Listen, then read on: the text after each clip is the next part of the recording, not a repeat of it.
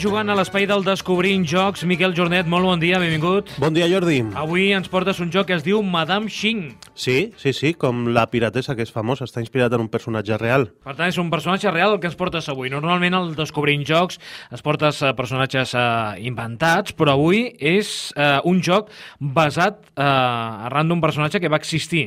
Perquè després diguin que no es pot aprendre història eh, jugant. Home, això sempre, eh? Podem aprendre moltes coses jugant. Per això cada setmana recomanem el, el Descobrint Jocs. A veure, comencem parlant d'aquest Madame Ching, l'autor, És eh, Bruno Catala i Ludovic Maublanc, són dos autors francesos. l'il·lustrador, Vicent Dutroux també és un il·lustrador francès que està molt de moda. l'editorial, Hurricane Games, que és la- l'editorial que tenen els, el, aquests autors i està distribuït per Asmodee. el número de jugadors, De 2 a 4, tot i que funciona millor de 3 a 4 jugadors. a partir de quina edat seria recomanable, A partir de 8 anys, el temps de la partida, 30 a 45 minuts. què aprendrem amb aquest joc o quines tècniques hem d'utilitzar, Les mecàniques bàsiques són gestió de mà i set collection, això d'agafar cosetes per després puntuar. el preu, 29,99. les notes, A la Game Geek està amb un 6,52 ara mateix i la posició en el rànquing general és el 2067 de tots els jocs que hi ha a aquella base de dades i dintre dels jocs d'estratègia està el 545. a qui agradarà aquest joc de Madame Ching? Doncs mira, agradarà a aquelles persones que són endreçades i alhora somiadores, que aprofiten l'experiència passada per millorar en el present i que gaudeixen explorant, perquè és un joc d'exploració. Doncs eh, explorarem avui aquest Madame Ching, el joc recomanat avui a l'espai del Descobrint Jocs, un joc, com ha comentat el Miquel, de 2 a 4 jugadors, tot i que és recomanable 3 o 4 partides de 45 eh, minuts i podem dir doncs, que té un preu de gairebé uns 30 euros, que està força bé, no, Miquel? Sí, està molt bé. Si mires tots els components que porta i tal, eh, està força bé. Si vols introduïm una mica el que trobaran a, a les instruccions o a la capsa, 1808, Mar de la China. Como jóvenes piratas acabados de enrolar, a las órdenes de Madame Ching, la más célebre y temida de los piratas asiáticos, zarpáis a la aventura con vuestros juncos. Durante vuestras misiones intentaréis conseguir nuevas habilidades, ya que Madame Ching solo confiará al mando de la China Pearl al mejor marinero. Al mismo tiempo tendréis que conseguir sustanciosos botines asaltando los barcos del emperador o ayudar a los pueblos pesqueros a librarse de su yugo.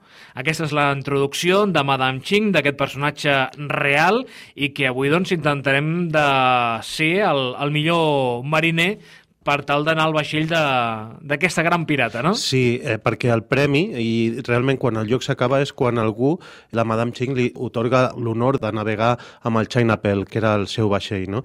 És un joc, la veritat, que es podria resumir com un joc de quadrícula, de coordenades, d'intentar fer una diagonal perfecta, perquè qui fa la diagonal perfecta pot assaltar al port de Hong Kong, i tot això amb una mecànica de cartes, i per això hi ha la gestió de mà i tal.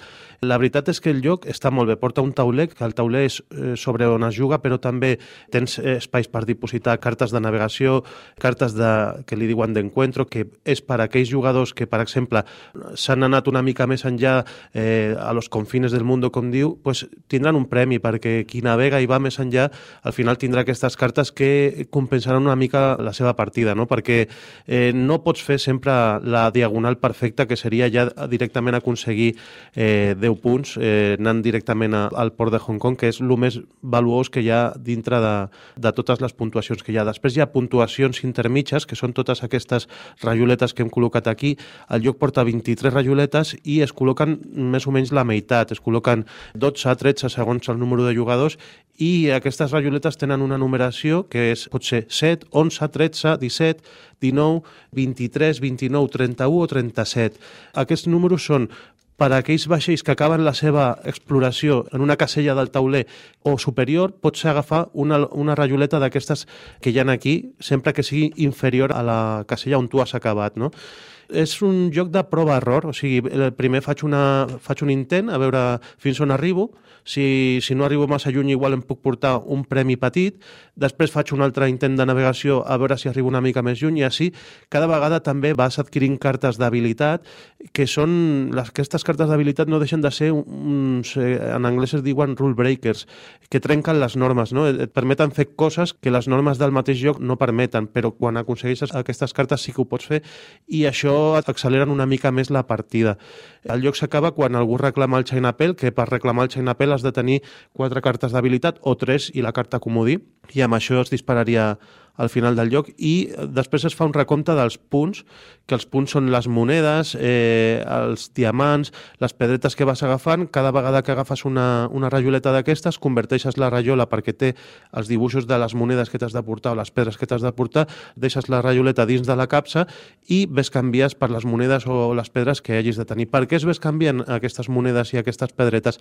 Perquè hi ha cartes d'aquelles d'encuentro que forcen una mica la interacció. Si tu tens pedres o tens monedes, potser un altre mariner que està jugant te les pot treure tu mateix i, i aquí hi ha interacció també. Tenen aquestes pedres que dius, aquests, eh, aquesta mena de diamants, estan molt ben fets, eh? Estan, estan ben fets, sí, sí, són pedretes. Després també les monedes, si et fixes, tenen també el, el dibuixet eh, típic de les monedes xineses, que són les monedes aquestes amb el forat quadrat al mig i, i de veritat, o sigui, d'il·lustració i d'art i també de lo comprensible que és la iconografia i tot, està molt bé. També el llibre d'instruccions és un paradigma d'un llibre d'instruccions molt ben explicat, bastant escuet, que és la gràcia que té. Mm, algunes coses queden una mica pendents de perfilar, però els mateixos autors a, a la Board Game Geek han explicat per aquells que tenen dubte de quan es fa això amb aquesta carta, pues, està ben explicat i és un joc que és, eh, bueno, va sortir el 2014. És un joc que, de fet, algunes botigues ja l'estan saldant mm, perquè és que la voràgina d'edició de, de, de jocs de, de taula és, és tan gran que, que un joc que va sortir el 2014 ja comença a ser antic, però val el preu que, que tenia de sortir sortida 29,99 mm, de totes totes perquè ja veus eh, la qualitat dels components i que visualment és impactant. Has comentat que, que els autors són francesos, uh -huh. uh, l'il·lustrador també és francès uh -huh. i uh, un detall d'aquestes de, il·lustracions que ens recorda molt al món del còmic. Sí. I, I abans, a micro tancat, abans de, de començar aquest espai del Descobrint Jocs, en comentaves, eh, Miquel, i voldria que també ho expliquessi a la nostra audiència, de que els francesos estan molt influenciats per al còmic. Exacte. Bueno, tota la part francòfona també per Tintín, que, que és belga, no? i tot això té una influència molt directa en el món del, del joc de taula i a França es nota moltíssim. Ells són com el vaixell trencallel en aquest sentit, perquè si mires els jocs alemanys són bastant més espartans, són funcionals però són, no són tan bonics com els francesos i en canvi els francesos estan fent una mica de... són els que estan impulsant el, el tema de la il·lustració en els jocs de taula, que hi ha gent que li agrada i hi ha gent que no li agrada tant, perquè és que a vegades vegades també eh, no ho veus eh, gens realista. No? Aquest, per exemple, sí que està molt ben il·lustrat, però hi ha d'altres que són personatges capgrossos, còmics, eh, no sé què, i dius, no, jo vull jugar i sentir una mica també de, de realisme, no? I a vegades ho aconsegueixen o a vegades per donar-li aquest to desenfadat i també entrar una mica més cap al públic familiar, cap, a, cap al públic eh, infantil, a vegades també perden a lo millor el públic adult que també vol un, un producte més, més desenvolupat o més parell, no? Doncs avui és el joc de Madame Ching, aquest eh, joc de 2 a 4 jugadors a partir de 8 anys, partides de 30 a 45 eh, minuts, un joc molt recomanable. I Miquel, en quina música acabem? Doncs música de pirates asiàtics, que sempre ens posarà en el, en el tema, perquè és això, la Chin Si, que era com es deia la Madame Ching, era coneguda per això, la més temuda dels mars de l'Orient.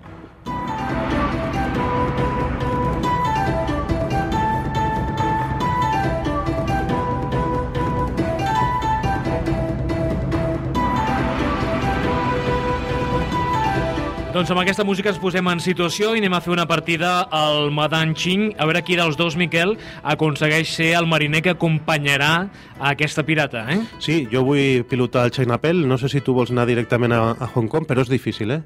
Sí? Sí, sí, ja veuràs, ja veuràs. Anirem a menjar un rollitos primavera, no? Fins la propera, Miquel. Vinga, adéu.